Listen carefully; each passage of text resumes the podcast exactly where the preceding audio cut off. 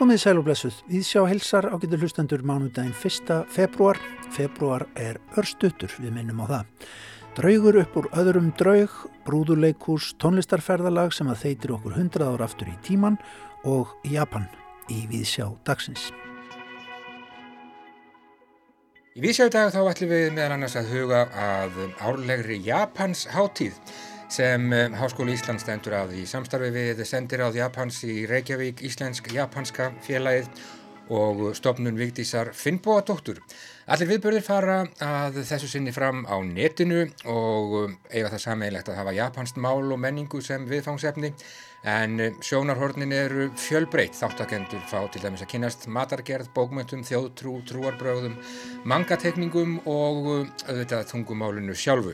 Flestir viðbörðuna bjóðu upp á gagnvirka þáttöku á Zoom en þeim eru reytning strengt á Facebook. Við höfum að ræða við Kristínu Yngvarstóttur, hún er lektor í japanskum fræðum við Háskóla Íslands og veit allt um Japan og japanska menningu. Við ætlum líka að koma við í hverfisgaleri við hverfiskötu og ræða þar við Helenu Margreði Jónsdóttur, unga myndlistakonu, um síningu hennar Draugur upp úr öðrum draug. Málverk Helenu Margreðar eru forvittnilegu og hressandi. Við sögu koma kungulær, grunnsamlega langar appalólakrísrúlur, rauðvins, sull og gegnsægir stregaskór. Á bakvið hverja karlhetju er oftast næra að finna stittu og stóðjafnan uppluga eiginkonu sem á drjúan þátt í velgengni magasíns og hvetur til dáða. Í tónlistarhorninu heyrandi nærallar Arljótur Sigursson að rýna í ungfrú Lilian Hardin Armstrong og hennar likil hlutverki í umbreytingu jazz tónlistar fyrir hundrað árum síðan. Meir um það í Víðsjá í dag. Og Snæbjörn Brynjarsson, leikúskagreinandi við sjárfjallar um bróðusýninguna Game Your Aim sem að þjóðleikúsið sýnir um þessar myndir. En við byrjum í Japan.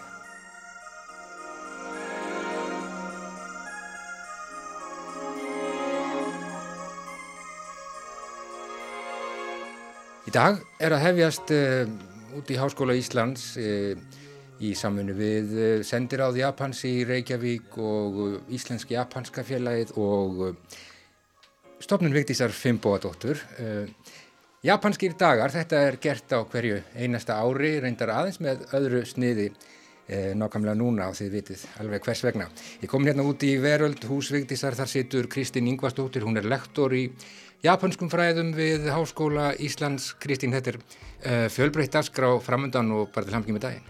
Já, takk fyrir. Þetta er náttúrulega, við erum svolítið öðrum gýr Í, í ár, vennilega þá fer hátíðin fram sagt, uh, síðasta laugadaginn í januar, mm -hmm. þannig að þetta er vennilega svona alveg einstags dagskrá Já. og við, það fyllist allt hér af fólki á öllum aldri og, og eru plaggut hér upp um alla veggi og, mm -hmm. og alls konar hérna, tónlist og, og læti. En við ákvaðum að, að eftir að hafa hugsað málið að, að við þyrtum ekkert að, að sleppa hátíðin í ár Nei. þó að ástæður sé eins og það er eins og þær eru. Mm -hmm. Þannig við svona í staðin tegðum úrdagsgranni og hún í rauninni við erum með viðburði núna alla vikuna og já. alveg fram á sunnudag. Já, stendur til sjönda. Stendur til sjönda, mm, já, já. Og þetta er í rauninni semst en þó að, að formið sjálft hafi breyst að því leitum til að við færum okkur úr húsinu og yfir á netið, mm -hmm. þá er í rauninni semst samstarfið í kringum viðburðina, þáttaka kennar á nefnda í japansku deildinni hér við háskólan hún er alveg eins og venjulega ef maður skoðar viðburðina þá er þetta bæði sagt, við lektorarnir í deildinni og þetta eru hérna nefnendur, fyrverandi nefnendur og svo með aðkomu þessa góðu samstagsæðilega líka. Já, það er búið að kenna japansk fræði við uh, mála og menningadeild Háskóla Íslands í, í einhver ár og þetta er mjög vinsel grein. Já, þetta er eitt stæsta tungumólið sem mm -hmm. er mhm. kent við, við háskólan. Já. Það eru kominastu því 20 ár og það er búið upp á sagt, uh, bachelorgráðu. Þetta hefur bara ár eftir ár verið eitt vinsalasta tungumálið. Enskan er, er stæst en japanskan hefur vennilega komið bara þar hérna, næsta eftir Já. og þetta er, þetta, er, þetta er mjög skemmtilega samsett. Þetta eru tvö ár sem eru kent hérna heima, bara svolítið intensív japanska og japansk fræði mm -hmm. og svo er þriðja ári þá fara neymundur venjulega til japans í skiptinám. Já Þannig að þetta er alveg heilt árvennilega sem að nefnendur eru úti. Já, og það er fjölbreytt eh, dagskrá framöndan hjá ykkur á netinu, það eru bókmyndir, trúarbröð, þjóðtrú og tungumálið sjálft þetta?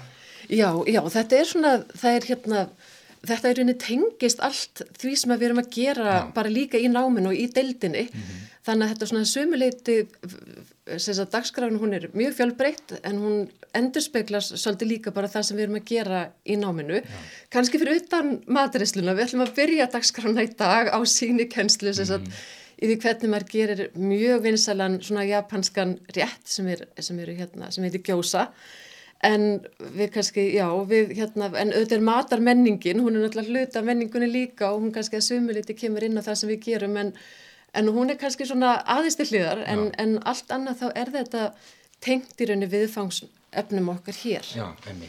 Eh, Þannig kemur ég á þjóðtrú við sögu og, og eitthvað í samengi sá ég við, við COVID-veruna.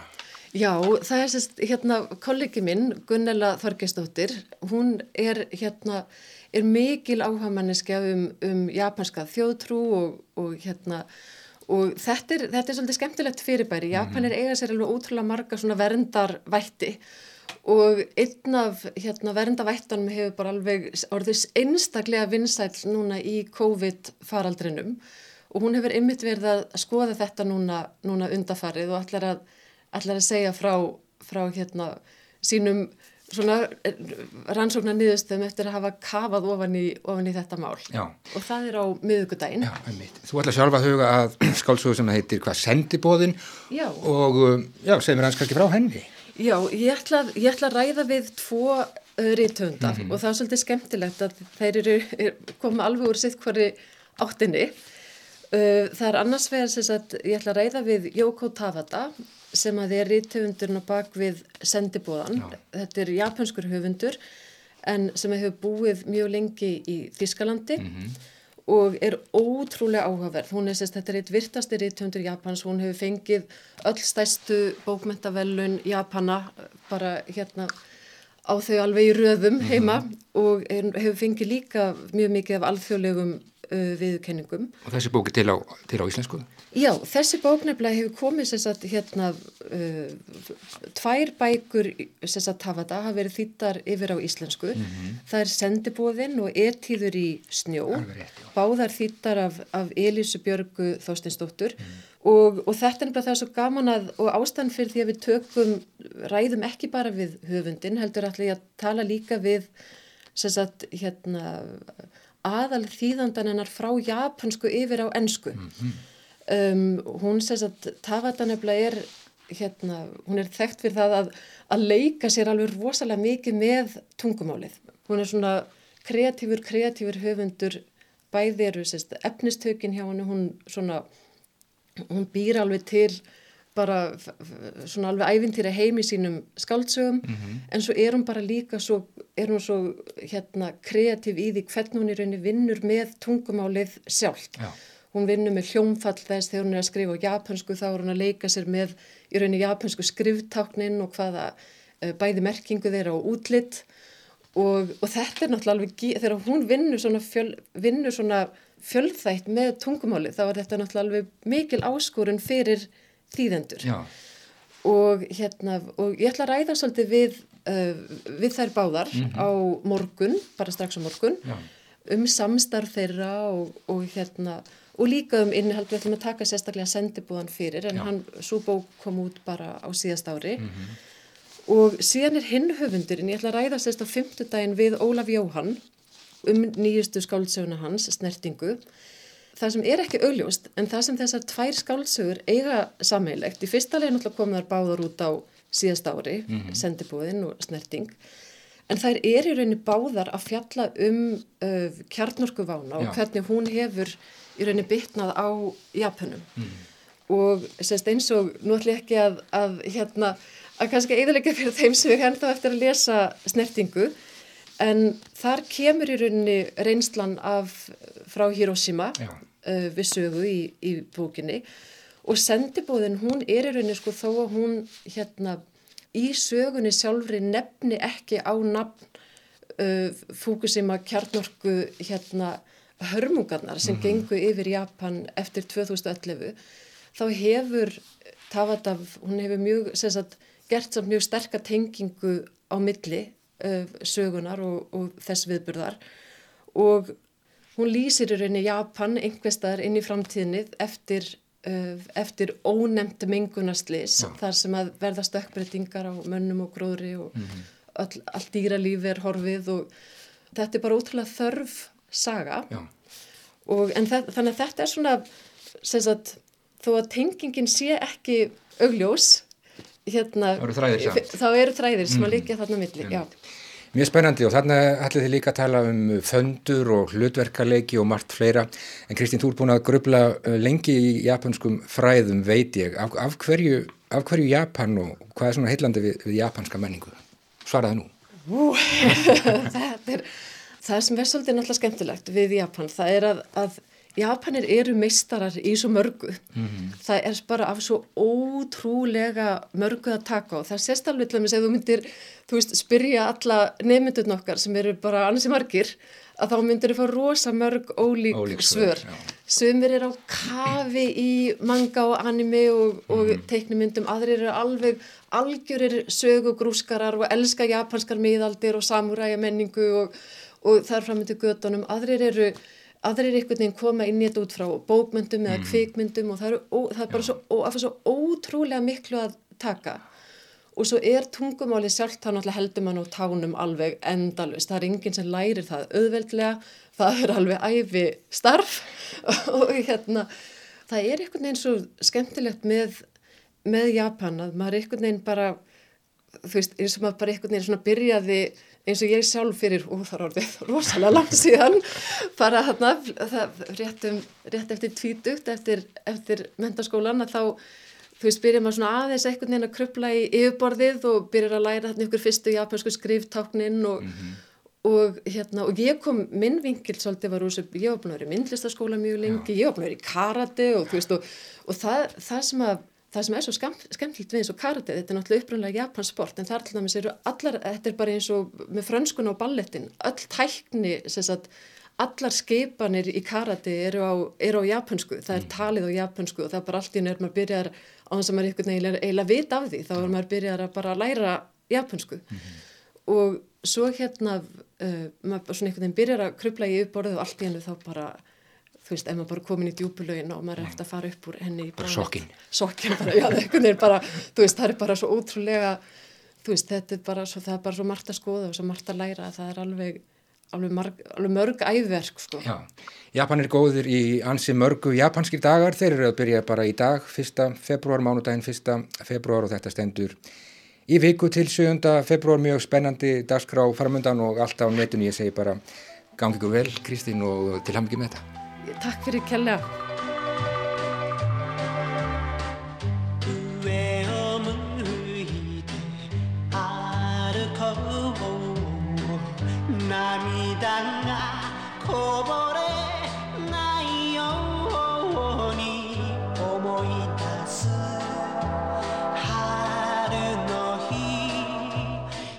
一人ぼっちの夜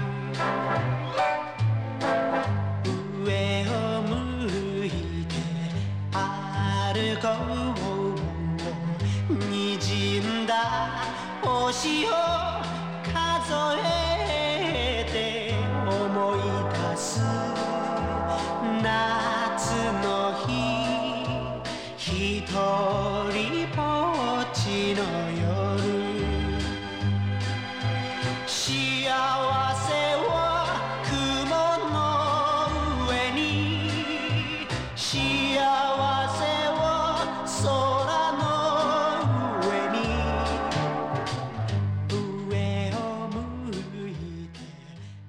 Já, Sukiyaki, japanski krúnurinn Kiyu Sakamoto lag sem kom fyrst út í Japan árið 1961 og varð gríðarlega vinsælt. Japanskir dagar að hefjast í dag standa yfir í viku mjög fjölbreytt og áhugaverð daskar á framundan sem allir geta notið. Japanir meistarar í svo mörgu sagði Kristín Ingvarsdóttir lektor í japanskum fræðum við Háskóla Íslands hún myndist í viðtælinu hér áðan á Ólaf Jóhann Ólafsson réttöfund, skaldsagan Snerting kemur við sögum að gefnu tilefni á japanskum dögum.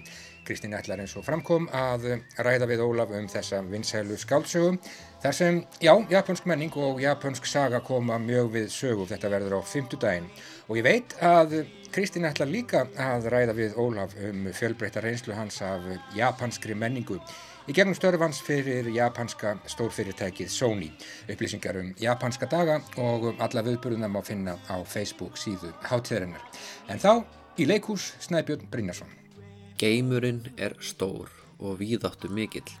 Þó svo mannkinn hafi enn ekki fundið líf á öðrum nöttum hefur það ekki hindrað okkur í að skalda fram aðra heima og jafnvel heilu stjórnu stríðin. Enda er alheimurinn svo óheimjur stór að þar er pláss fyrir hvað sem er og einhver staðar hljóta geimverur að leynast þó að mögulega sé það eins og óendalega smá nál í óendalega stórum heistak. Það er ekki oft sem vísinda skaldskapur ratar í sviðsverk á Íslandi. Ég man í fljótubræði einungis eftir örfáum tilraunum til vísinda skaldskapar á íslensku sviði. Nú síðast þegar Sómi Þjóðar síndi gaman game operur sínar í tjarnarbíói fyrir nokkrum árum. En í nýlugu verki sem ætlað er börnum frá 18 mánuða aldri kannar leikópurinn miðnætti förður himinn-kolvana og sínir okkur meðal annars líf á framandi nöttum. Sýningin Gemmeri sem frumsýnd var í janúar í þjóðleikusunum notar brúður sem Eva Björg Harðardóttir hannaði. Höfuðpersonan er stúlka á leikskólaldri, hún Vala, sem rávar út úr húsi þegar foreldra hennar sí masandi í símana sína veit henn ekki næga aðtegli og út í gardi rekst hún á hvað annað en fljúandi fyrðuhlut. Án þess að vita af gemvörunni fúm um borð, hinnum raunverulega eiganda velarinnar, gengur hún að taka borðinum og fyktar í því með þeim áleiðingum að grepurinn tekst á loft. Við tekum ferðalag um hímingeimin þar sem vala dáist að vetrarbrautinni og heimsækir framandi plánutur á tæpum 40 mínútum að sjálfsögðu í fylg með hennum krútlega fúm. Agnes Wild, leikstjórin og leikópur hennar er skráður fyrir sögunni sem er ósköp einföld en það ætluð yngsta aldursóknum. Með mér í leikúsinu voru frængur mínar, einn fimm ára sem skemmti sér konunglega og hló bísna oft en það virtist hún á að tengja vel við höfupersonuna og game áhuga hennar og svo yngri sýstir hennar sem var ekki alveg orðin átjánmána sem einhverja síður náði að fylgjast með stórum hluta verksins og hafa gaman af á köplum. Miða við viðbröð þeirra og annara barna í salnum þá er þetta leikrit sem hæfir vel þroska allra leikskóla árganga og er korki of hrikalegt nýja of langdreið. Þetta er mjög líkamleg síning. Leikararnir sem standa dökklættir fyrir aftan brúðurnar holdgera viðbröðura og aðalbrúðan hún Vala er innblásin af japansku bunraku hefðinni. Það getur verið jafn skemmtilegt að fylgjast með leikurunum og brúðunum en þau Aldi Stafirsdóttir, Nikola Artur Kandi, Þorleifur Einarsson og Agnes standa sér öll príðilega í hlutverkum sínum. Þó svo margt sé litríkt og skemmtilegt í verkinu og töfrandi og heitlandi fyrir yngstu áhórendurna, þá hefði ég gætnan viljað sjá aðeins meiri frumleika í hönnun geimverana, völu og geimskipsins. Skipið er hinn erketýpiski fljúandi fyrðulutur og minnir örlítið á flegið sem gemururnar Kotos og Kang fljúum á í Simpsons þáttunum. Lóðboltinn Fum virka líka meira kunnulegur en framandi eins og blanda af skrýmslígur Pixar mynd eða veru á Sesamstræti og völu sjálfri svipar mjög til línu langsóks í útliti. Að því sögðu er þetta allt hæglega smíðað og ég efast um að börnin í salnum tækjundir þetta ákall mitt um aukin frumleika. Tónlist Sigrúnar Hardardóttur við verkið verðskuldar tölvert lof. Hún er grípandi og hrýfur áhörundur með sér. Geimverei er þannig fínasta afþreng fyrir börn, ekki fræðandi en heldur ekki leiðileg. Leikópurinn miðnætti hefur sínt í tímans rás að hann framleiðir vandað efni handa börnum og ég set hann skur ofar en flesta aðra hópa í þeim geira. Leikleðin er nefnilega til staðar en hún kemur ekki á kostnað fagmennsku og ef frumleika skortir sem auðvitað er huglagt mat þá er alltaf vandað til verka eins og til dæmis mátti sjá þegar Agnes leikstiti síningunni Karius og Baktus í fyrra. Það er því vel hægt að mæla með þessu verki sem fyrstu leikús upplifun barna Velþróskuð börn á fyrsta ári leikskóla eiga eftir að finna eitthvað til að njóta og það held ég að aldurslokkarnir fyrir ofan og jafnvel fóreldra þeirra geti gert líka. Saði Snæbjörn Brynjarsson um brúðusýninguna Geimir Ei í þjóðlikúsinu. En þá ágættu hlustundur skulum við breið okkur í ferðalag í tali og tónu með Arljóti Sigursinni. Við förum svo sem eins og ein hundrað ár aftur í tíman.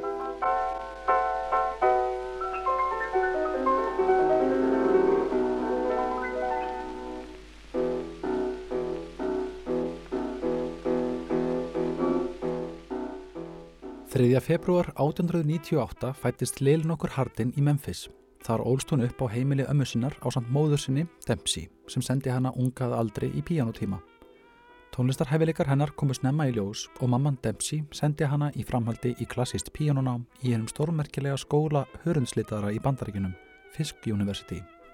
Þannig vildi móður hennar greiða henni leið inn á slóðir hinn að fýtni lista og otaði að henni klassík, sálmum og kirkjutónlist en Dempsey bar hag Lilian dóttur sinnar svo mjög fyrir brjósti og vildi næstum allt fyrir blessað barnið gera en Dempsey bannaði hvað sem geti heitað dægurtónlist eða jazz eða blues á sínu heimili.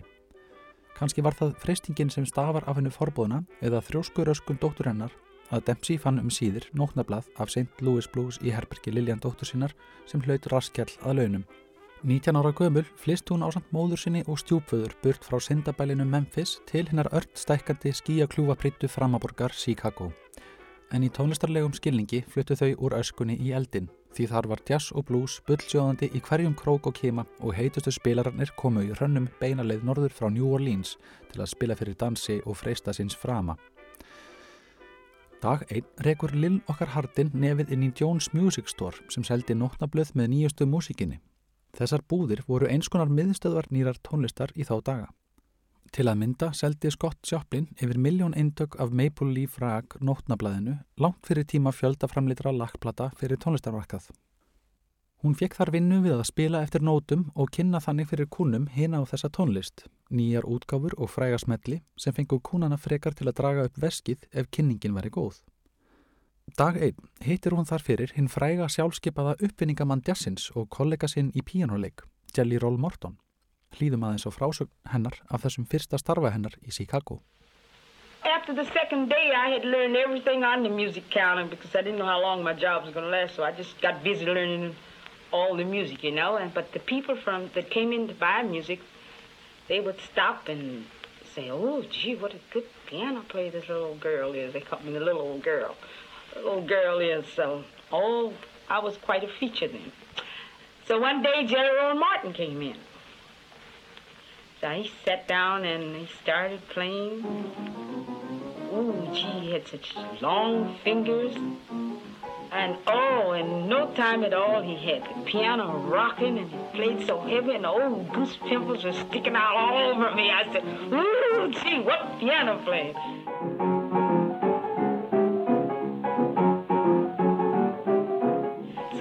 Sat there and I listened and I stood up and I walked.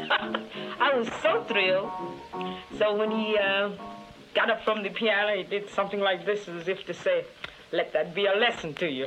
And I said, and it was a lesson because after that, I played just as hard as I could, just like General did. Until this day, I am still a heavy piano player. Svo kemur hljómsveitin New Orleans Creole Jazz Band til Chicago og vantaði í skyndi píjánuleikara og fretta þeir af pianosíðaníunu í Jones Music Store. Þar sem hún hafi aldrei leikið með þeim áður þurfti hún því að dífa sér út í djúbulauðina en þar sem hún stendur á stökkbrettinu og bandið tilbúið að spila spyr hún næsta mann hvaða lægi þau ætla að byrja á og í hvaða tóntegund það væri. Var henni svarað eitthvað á þessa leið? Tóntegund? Hvað minnaru?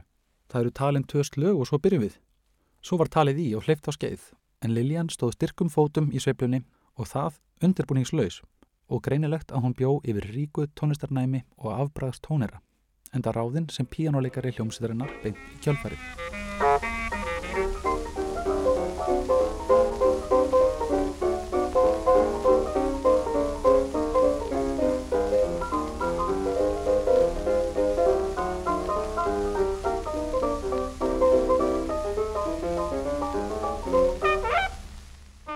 En þó að Hot Miss Lill, eins og hún var fljótt kölluð, hafi verið lítil og mjóslegin í sköpulagi, gengdi öðru um píjánostíl hennar. Hún stökk kröftulega um hljómborðið og steigð þar fast til jærðar. Misti ekki úr slægi og hafði mjög sterkan, reynfastan stíl en það þurfi í hljómsettum af þessu tægi að halda uppi hljómagöngum og viðhalda hrinnjandanum, skera í gegnum sterkatóna blástursljóðfærana svo að hinnir hljómsettarmeðlimir haldist saman og penduli samtaka í sveiflunni og síðast en ekki síst að það nái til áherandana viðstatra. Eftir að ráðningu New Orleans Creole Jazz Band á staðnum Dreamland Café laug tók einn stærsta hljómsett þess tíma þar við keflinu sem húsband, King Olivers Creole Jazz Band. Joe King Oliver, kornettleikari og fórsprakki, bauð henni að spila með sinni hljómsveit áfram á sama stað sem hún að sjálfsögðu þáði. Það þótti Lil Hardin vandraðalegt eftir fjögur og tíma spilamennsku í klubnum með heitasta bandi bæjarins að móður hennar var alltaf mætt til að sækja hana klukkan eitt yfir miðnætti sennilega súr á svip til að fylgja ungri dóttur sinni heim frá þessum guðsvolaða stað, þó svo að viðhorfu hennar til þessa lífstíls hafi um margt blíðkast. Svo meðan Kongsi Oliver fyrir á tónleikarferð er Liljan okkar um kyrt í Chicago enda með nóg á sinni könnu í Stórburginni, orðin vel metin píjánuleikari og útsettjari, lagasmiður og söngvari. Þá snýr reysinn King Oliver aftur til Chicago en eitthvað hafði breyst í liðskipaninni. Aðegli hennar vakti ungur kornettleikari sem leik þá hlutverk Annars Kornets. Þar var komin kornungur Louis Armstrong frá New Orleans, græskuleus og gáskafullur, en svo flinkur spilari að hann nistaði af honum og greinilegt að hann sótti fast á hæla fyrsta kornets kongsa, King Olivers. Lil Hardin var aftur fenginn til að spila með hljómsettinni og kvöld eftir kvöld spiluðu þau á Dreamland Café í söðurhluta Chicago. En þángað sóttu staðinn meðal annars tónlistarriðsarnir Big Spiderbeck og Hóki Carmichael til að fylgjast með hljómsveitinni sem fór á kostum og greinilega spertu tónlistarsinniinn eirun þegar Lewis blés í kornetin. Þá var Louis Armstrong hálfpartinn saglisinslegur sveitalúði, nýliði í bandinu, jafnvel einfaldningslegur og stóð út úr á meðal hérna veraldarvönu uppi á sviði og úti í sál. Lil Hardin tók hann upp á arma sína fann á hann fatnað sem samrændist vennjum borgarinnar og sænaði hann til með herraklippingu og líkum lætur að þar hafi tekist ástir millir þessara sjarmirandi hæfileika búnda, svo að lokum letu þau púsa sig saman. Honum krossbrá, sagði hann síðar frá, að sjá slíkan dúks og mestara efni á borðið eiginkonu sína ákveða að rata inn á slóður djassins og spila svo vel þessa lágstétarmúsík.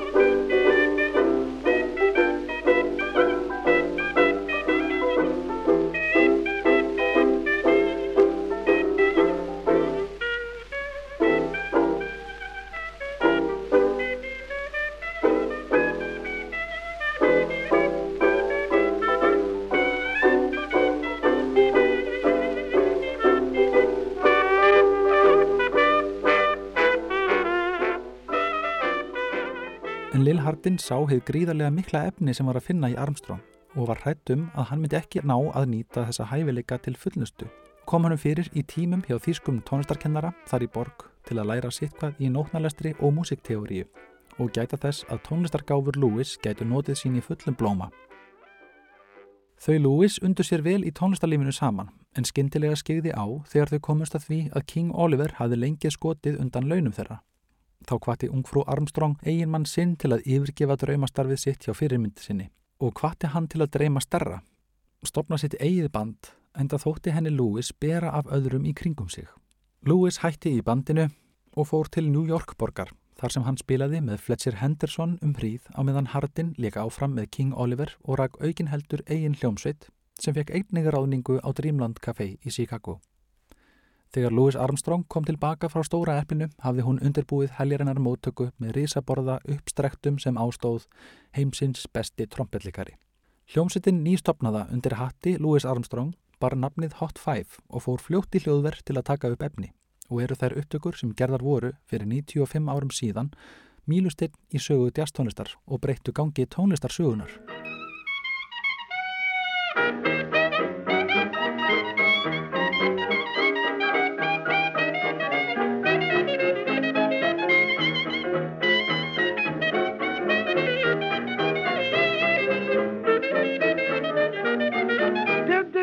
do do do do do do do do do do do do do do do do do my people, but it be to be, that over the ba ba ba ba. Bobby, Bobby, be, no, ba ba la la la, be ba ba de ba ba. That little little little little little little little little little little little little little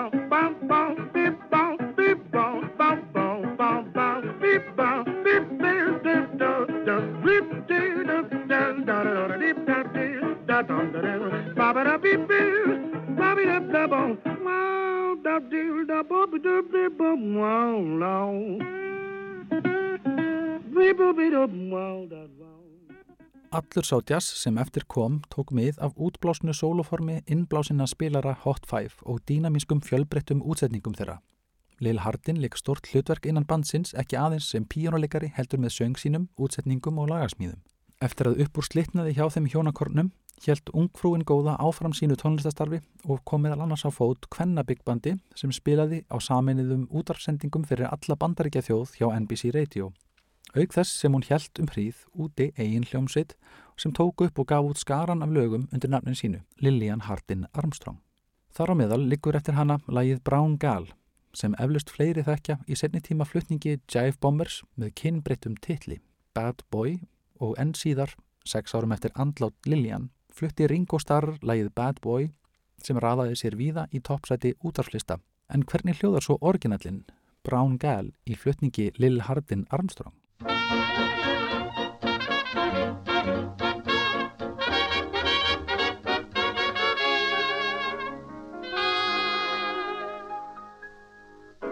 Now I'm mighty like a rose, all dressed up in fancy clothes.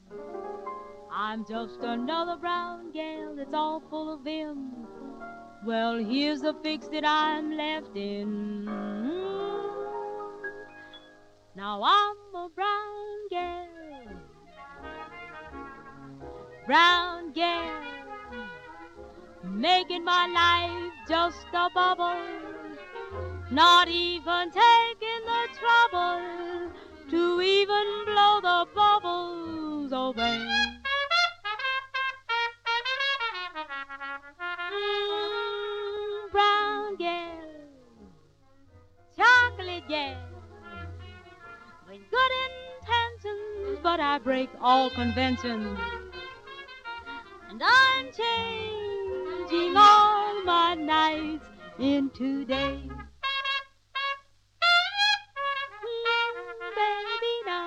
Hot blazing sun has tanned my skin. Too dark for trouble to find a way in.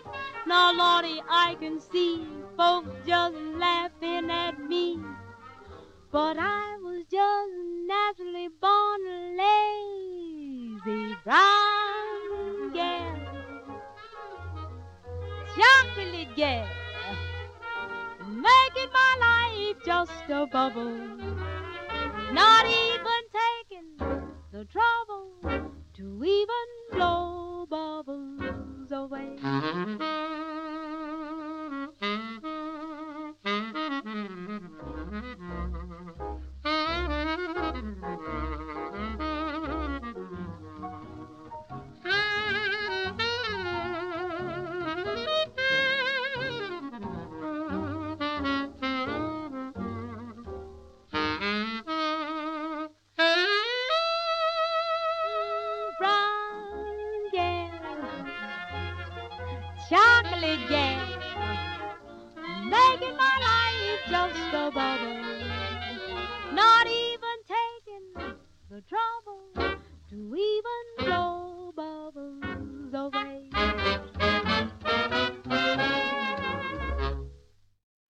Fymta áratugnum vatt hún sínu kvæði í kross og lærði til hlaðskjara en lokaverkefnið hennar voru kjólfutt sérhönnuð á sinn fyrrum eiginmann og ævarandi tónlistarsálufélaga Lewis og greinilegt að þrátturir að leiði þeirra hafi leiðið í sundur á sínum tíma hafi þau ekki borið kala hvort til annars þrátt fyrir að geta ekki séð sér fært um að deila æfinni saman.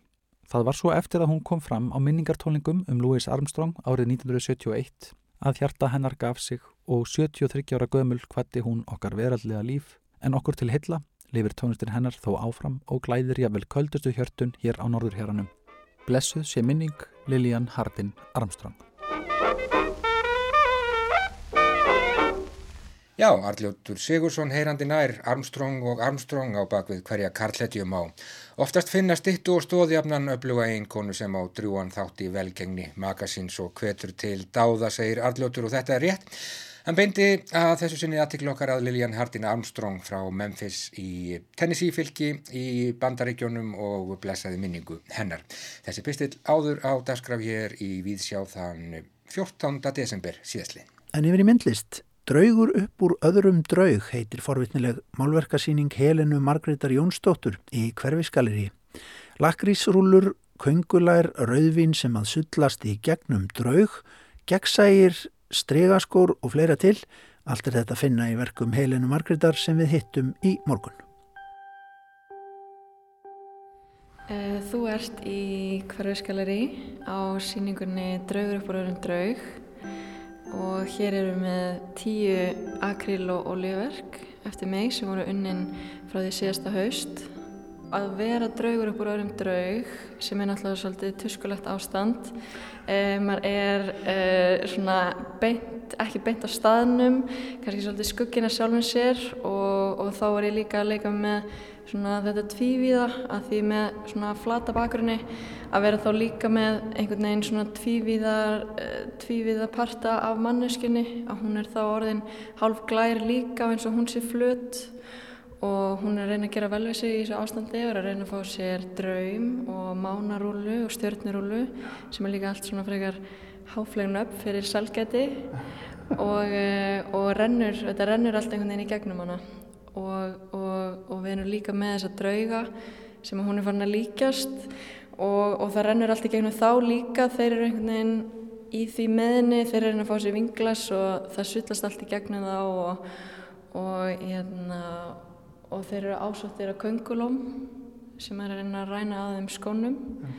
Ég var hérna, þá mikið að pæla með köngulegnar að þær væri þá einhvern veginn mótstæðan við draugana og, og, og þessa tuskulegu mannesku að er náttúrulega spinna sinn vef og þar, þar festist allt í honum. Og það er þetta klístur sem að líkast einhvern veginn líka tengist lakrísnum og, og, og einhvern veginn þessari, þessari lúpu líka að, að vefa vefin verður einhvern veginn líka eins og þessi rúla og ég lengdi allan lakrísinn þannig að það er eins og það bara sé þetta endalisa flæði. Mm eh, lakrísinn heldur alltaf áfram að rúlast út og vínið heldur alltaf áfram að sullast. Og þessir útlimir eru farnir að, að, hérna, að sveia sig og beigja í stílu lakrísinn og vínið og, og, en aldrei getur hún fengið sér af því Draugur upp úr öðrum draug Myrkragardinan rúlast upp með ískri þegar ég dreg hana upp frá glukkakistunni til að sjá stjörnunar. Það eru allir farnir að sofa nema ég, draugarnir og köngulóin hinum einn við glerið. Næturnar leka inn í dagana og myrkrið gerir það að verkum að ég finn engan mun á dag eða nóttu. Það breytir engu hvort gardinan sé frá eða fyrir. Dagarnir eru beiskir og saltir en næturnar sætar eins og marsipan. Það tegist bara á þeim, næturnar lengjast og högta, þar flæða ekki lengur mjúklega heldur rykkjast til. Það ískrar í þeim og ég reyna að gera vel við mig til að jafna það út. Tunglið og stjörnurnar rúlast upp á milli lakrísins og tungan rúlar út til að taka á mótið þeim. Munnvatnið og rauðvinnið drýpur og hellist og sullast, það sullast og hellist og skvettist og ég reyna að grípa það í glas en það slettist áfram. Ég ber fyrir mig hendina, tunguna og tærnar en það rennur í gegnum mig. Munnurinn er fullur af munnvatni og ég kingi og svolgra og gleipi en hann fyllist alltaf aftur. Ef ég opna munnin legur það út, það drýpur og skvettist og sullast. Tunglinu og stjörnunum og draumunum er pakkað inn í háara umbúðir, ég reyna að rýfa í hortnið en puttarnir renna í gegn. Ég næ engu taki á lakrísnum og munnvatni drýpur látlust út um munnveikin. Ég gefst upp á að kingja og gúlpa og læt munnvatni hellast í stöðum tauminniði tunguna sem lafir úr munninum. Það þornar aldrei upp ekki frekar en rauðvinnið.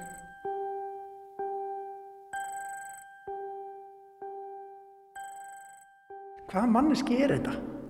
Getur þú sagt með það? Já, þetta er allt í ég, þetta er allt, þetta er allt mínar hendur uh, og mínar, hérna, mínar tær hérna á þessum, þessu verki og, uh, og náttúrulega mínir nammi preferensar og, og svona hvað hvað mér finnst gyrnilegt um, og ég var einmitt líka að pæli með gyrnileikan að því að við erum með sagt, mikið að kungulóm og þá eru einhvern veginn þessar hliðstöður í alvöru, raunverulegu kungulónum og sér nammi kungulónum sem eru samt í sama lit. Og þá í rauninni hérna, er hægt að spyrja sig hvenar verða hlutir ógirnilegir mm -hmm. að því við erum uh, við erum ekki ókunnug hlaupórmónum að við pælum ekkert í því sko þannig að er nammi köngulær er það gyrnilegt hvenar verða hlutir einhvern veginn? Já, er hægt að setja sigur á allt til að gera það til að gera það gyrnilegt Sko köngulærna til dæmis ef við hugsaum um þær og draugana og e, já svona, ég finnst þetta pínlítið svona súrealísk veröld sko, ertu hvernig svona kvikna hjá þér hugmyndir, getur þú sagt með það, hvernig, hvernig óskopunum hérna þetta er þetta í hug? Ég held að það fara einhvern veginn allt út frá uh, þessari, það byrjar einhvern veginn á svona þessum visual pælingum og séðan myndast einhver sterk narratífa út frá því og, hérna, og draugarnir sérstaklega uh, voru upprunlega einhver pæling með að, að nota draugarna sem einhvers konar tákmynd fyrir bæði, bæði þessa, þessa aldagömlu málarhefð sem að einhvern veginn eins og draugur fylgir allum nýju verkunum. Maður losnar aldrei við það og sérstaklega ekki í svona uh, realisma. Og, uh, en á sama tíma þá er að því að ég er með mikið af svona stafrænum teikningum þannig að ég tek inn ákveðna hluti ég setja upp í Photoshop þannig að þess vegna er ég með þessa flutu bakgrunni sem einhvern veginn verða þá eins og það er einhvern veginn svona tengingin við skjáinn og, og það þannig að draugarnir á sama tíma eru, eru líka ákveð tákn fyrir þetta svona óhaldbæra og ósnertanlega sem er líka þá einhver svona digital mm -hmm. uh, og þessi stafranleiki og, og köngularnar er í rauninni bara mín kungulofóbia sem er að koma stert inn. Ég er svona að reyna að mála mig í gegnum hana bara. Sko, þú hefur alltaf hennan opuslega hlutlausa þó þessi litaðir og mismöndi litaðir en hann hlutlausa á í rauninni dauða bakgrunn. Þú ert ekkert að blanda saman lit þar, það er bara Já, rúlan. það er bara rúlan Já. og það er í rauninni bara, og ég reynir sérstaklega að hérna, setja enga skugga, það er engi skuggar af neinu þannig að þetta er allt eins og þetta sé að gerast í hálfgjöru tómi sem er líka einhvern veginn, já þessi sterkar tengi ekki í skjáin og, og að upplifa það að að uh, þetta er í rauninni hérna, ekki neinstadar en samt er svo opastlega mikil eh, svona maður finnur alveg fyrir því með að horfa á verkin sérstaklega svona í einn personu, maður finnur fyrir efninu. Þó að þetta sé einmitt á svona alveg tvífiðum fleti að þá finnur maður samt fyrir þessari ólíu og þessum lagskiptingum og, og hérna á, á smáatriðunum að þá myndar það svona skemmtilegan kontrast eh, sem ég er mjög hrifin af. Og þá einmitt líka kemur þessi sterkar tenging við svona þessar stafrænu myndvinnslu og Photoshop og, og allt sem fylgir því að þú getur einhvern veginn bara klift út hluti og, og fært það til í, í þessu uh, svona órými í raunni. Uh -huh. En hvað er það við málverkið? Af hverju, af hverju velur þér málverkið sem miðl? Menna, sér að þú ert svona, þetta er pínu poppað eða svona, já, er, maður, þú gætir raunni sett þessa myndveruld fram einhvern veginn allt öðruvísi, hvað er það við málverkið sem að hérna, heillar? Ég held að sé einhvern veginn, þrátt fyrir að þetta sé svona tvívitt, þá er það einhvern veginn efnið að því ég mitt prófaði, ég prófaði, ég ætlaði að fara bara í hérna, stafræna málverki, ég ætlaði bara að mála allt með svona Wacom-töflu ja. og, hérna, og svo bara prenta það út. Það leitt svaka vel út á skjánum ja. og allir litirnir og allt svoleiði sem maður fann virkilega fyrir þessari tilfinningu að maður væri að horfa á eitthvað sem maður væri einhvers konar dýft í og sem leiði að prentaðist út þá var það bara það versta sem ég séð því þetta var allt gerðsannlega flatt og dögt þannig að það myndast líka einhver óbáslega dýft eh, þrátt fyrir tvíviðana að vera að vinna með hérna, bara svona eh, bara haldbar efni í raunni sem er hægt að, að lagskipta og einmitt þó að bakgrunni sé svona flatur og, og sérstaklega núna manneskjarni glær og það er allt einhvern veginn og útlýminni er alveg flatir að þá er samt svo mikil tilfinning fyrir efni sem að er einhvern veginn ma maður saknar ef maður reynir hérna, að fara sig yfir einhvert annað. Og maður sér það hérna bara þegar maður svona, getur rekið augun ofan í þetta, við löpum hérna þessum álurki til dæmis, mánarúlu, appal og lakrísrúla hérna sem er að koma á, á tungu. Hérna, og þú, þú veist, feiki flinkur málari. Já, takk fyrir það. Þetta var, hérna, þetta, það taka náttúrulega alveg rosalega langan tíma mm. þannig að ég er að vinna svona eina mynd kannski á tveimu vikum ef ég er dugleg og held með efnið.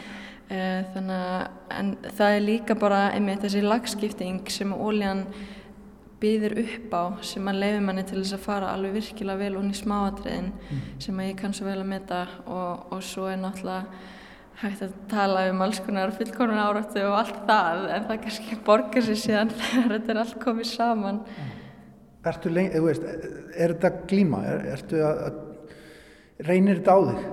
Það er gaman þegar það gengur vel uh, ég hef þurft að Svona, það er sumt sem að ég veit að ég er betri og það er sumt svona ég er yfirlega stressuð þegar ég er að byrja á nýju ja. og svona áfæri sem ég hef ekki gert áður þá get ég verið stressuð ja. og eins og ég þurfti, ég með þess að svona Nike skó sem eru svartir ja. sem ég gerði rauninni bara út frá mínum Nike skóm uh, og svo eru aðri Nike skór sem eru hvítir sem eru rauninni sömu Nike skórnir nema ég þurfti bara að ímynda mér hvernig þeir væri þegar þeir væri hvítir og, etna, og ég fór alveg nokkur sem ég við það og það var, það var, uh, það var mjög mikið neyðar ástand uh, á þeim dögum og ég var ekki beint svo skemmtilegast að vera í kringum að því ég var bara að pæla í hvernig lítur hvít næg skóar tunga út. Já. hvernig get ég fundið út af því?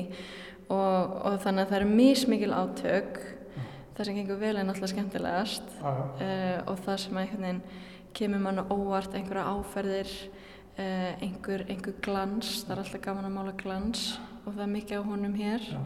glans í skónum, glans í tungum og munvatni og kungulofef og þessi hammi og svo þessi gegnsæja sem maður sér oft í gegn það eru hendur sem eru gegnsæjar það eru hérna fatnaður og, og náttúrulega síðan ertu með hérna vinglöss það, það hlýtur að vera pínu erfitt að mála það sem er gegnsætt, ekki sett? Það er það og það, það reynd alveg pínu á og sérstaklega þegar maður er með einhvern veginn svona þessi ímynduðu mótífi eins og draugana og maður þarf að einhvern veginn að mála hann að halda á glasi, hvernig heldur draugur á glasi, mm -hmm. hvert er, hvernig endurspegl kemur á glasið eftir draugin mm -hmm. e, og allt þetta en það er náttúrulega líka þessar vísanir í bara eins og þessi hefðbunnu flæmsku kyrjalvísmyndir þar sem allt var rosa mikið með glansinn og matinn og, og verið að reyna að gera sem mest svona Uh, já, öll þessi litlu smáatriði, allar þessar endurspeglanir sem að ég vildi líka leika mig svolítið með þannig að... Þar eru þeir náttúrulega málararnir að sína hvað þeir eru flinkir, sko. Já,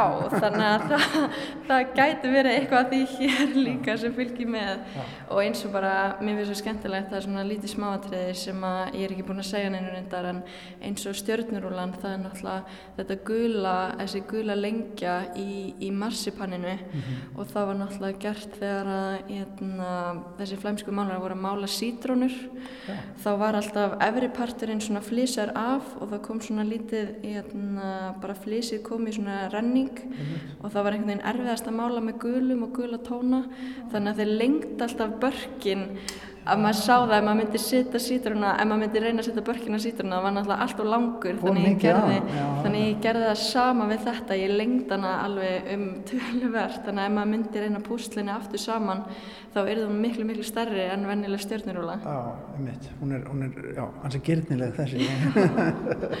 En segðu mér sko eh, já, hvaðan kemur þú svona, hérna, þú ert náttúrulega bara að þetta er fyrsta engasýningin Já.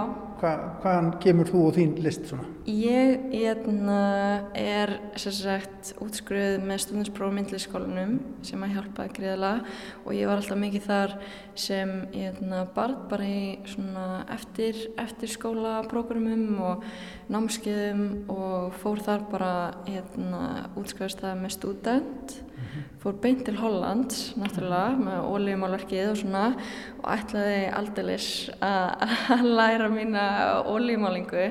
Kenna hollendingum? Já, já, og, hérna, og var bjóð í Hag í Hollandi, bara við hliðin á Máriðsás þar sem að stelpan með perlueirnalokkin er, þannig að ég Ég hérna, held ég var aldrei að gera góðan díl og svo náttúrulega komst ég að því. Og ég var á málaradæld í listaháskólum, konunglega listaháskólum þar og komst að því að hollendingar er eiginlega frekar einn að losna undan þessari þungu þungu hefð. Þannig að fólk var ekkert sérstaklega ánægt með að ég væri að reyna að mála og var alltaf að reyna að fá mig til að gera eitthvað annað og vildi ekki prófa prent og þannig að allar yfirferðir og, og kennaraheimsóknir voru alltaf svona rifrildi þannig að ég ákvaði að skipta bara yfir í LHI sem sagt eftir þrjáranir og tók þrjáranir í LHI og útskjöfast það 2019 og þá var náttúrulega bara svo aðeinslegt við LHI hvað allir eru bara pæli sínu og mann er leift það einhvern veginn og, og bara maður tekur í svolítið sem sjálfsöginn hlut að bara aldrei að rífast um hvað maður vildi gera heldur bara þurfti maður að hérna, þá bara að gera það og, og standa með því og, og þannig ég útskjöfast það 2019 og uh, síndi þar útskiptisýning á kærvalstöðum var sér mætt aftur árið setna uh, eh, hópsýninguna senasta sumar. Og svo er þetta fyrsta engasýningi mín. Já, Flott, bara geggjast til hamingi og hérna, mælum með að fólk komi hérna og sjá þessi forvitnilega málverk Já, takk fyrir það. Takk fyrir spjallið. Takk fyrir. Ég lít á köngulóna. Hún er farin að spinna nýjan vef Hún fer ring eftir ringina miðjunni, hún spinnur og vefur og býður. Býður í ringiðunni eftir að allt sem hana dreymir um komið til sín. Ég öfund hana. Það festist allt sem hana langar í við klístraðan vefin sem minnir mig á lakrisúlu. Ég tygg súrar hlaupkvöngulæр og gummiorma, það eina sem ég næ einhverju takja á, en hlaupið festist í tönnunum á mér og ég fæ illt í maðan. Mér líður eins og gummið eði upp í mér. Ég er komið með svartan blett á tunguna og rauðvinsvarir. Gagsæ, glær og klístruð en það festist ekkert við mig. Eins og draugur. Ég þræði fylltar lakrisreimar í skóna, ég er löngu búin að týna hinnum. Lakrisinn klárast ekki og dagarnir renna áfram, rúlas hver á eftir öðrum, tunglið, stjörnunar og sólinn og við draugarnir og köngulóin á millið þeirra eins og marsipanfylling.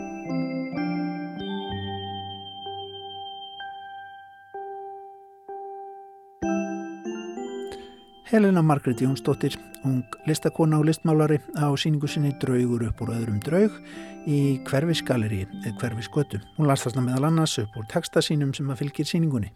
Tónlistin sér valinn eftir japanska tónlistamannin Harumi Hosono, löflétt japans tema sem satt í viðsjá dagsins, svona ræðast þetta stundum upp hjá okkur. Og svona ætlum við að ljúka vísjá í dag vísjá hér aftur á sínum stað á sínum tíma löst eftir klukkan fjögur á morgun. Takk kærlega fyrir samfélgina í dag. Verðið sæl.